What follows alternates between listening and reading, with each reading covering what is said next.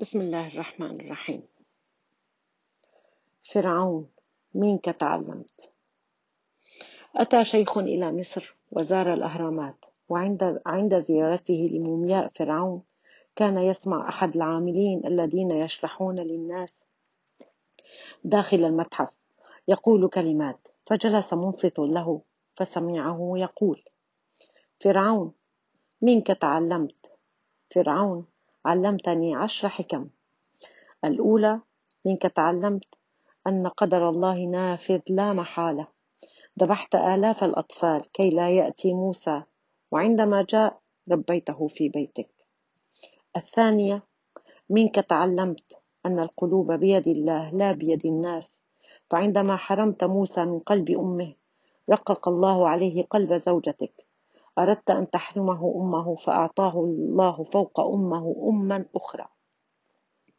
الثالثة منك تعلمت أنه ليس بإمكان أحد أن يفسد أحد ففي القصر الذي كنت تقول فيه أنا ربكم الأعلى كانت آسيا في الغرفة المجاورة تقول سبحان ربي الأعلى.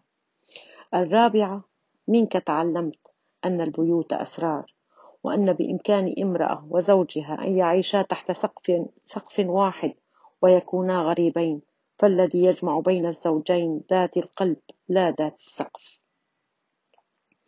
الخامسة منك تعلمت أن جيشا بحاله يعجز عن رد مؤمن عن إيمانه فلا السحر أرهبهم جيشك ولا الماشطة أخافها زيتك المغلي.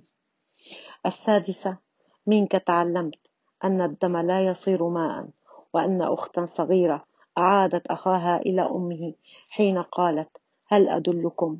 وأن أخا كان نبيلا إلى الحد الذي لم يتحرج فيه أن يعترف أن أخاه أفصح أفصح منه لسانا السابعة منك تعلمت أن العبيد يصنعون جلاديهم بأيديهم وأنه لم يكن بإمكانك أن تمتطي ظهور قومك لولا أنهم أناخوا وأركبوك.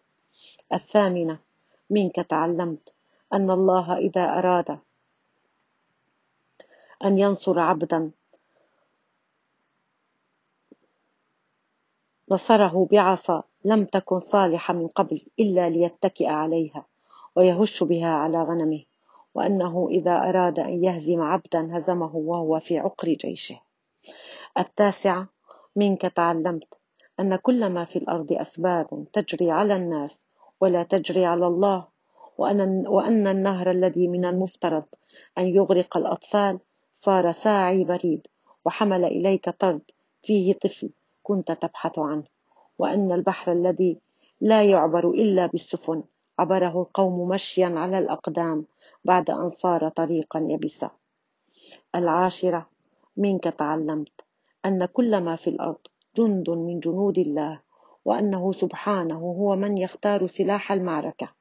وأنك حين جئت بجيشك كان قادرا على أن يأتي لك بجيش مثله ولكنه ولكنك أهون على الله من هذا فقتلك بالماء الذي جعل منه كل شيء حي. سبحان الله الواحد القهار.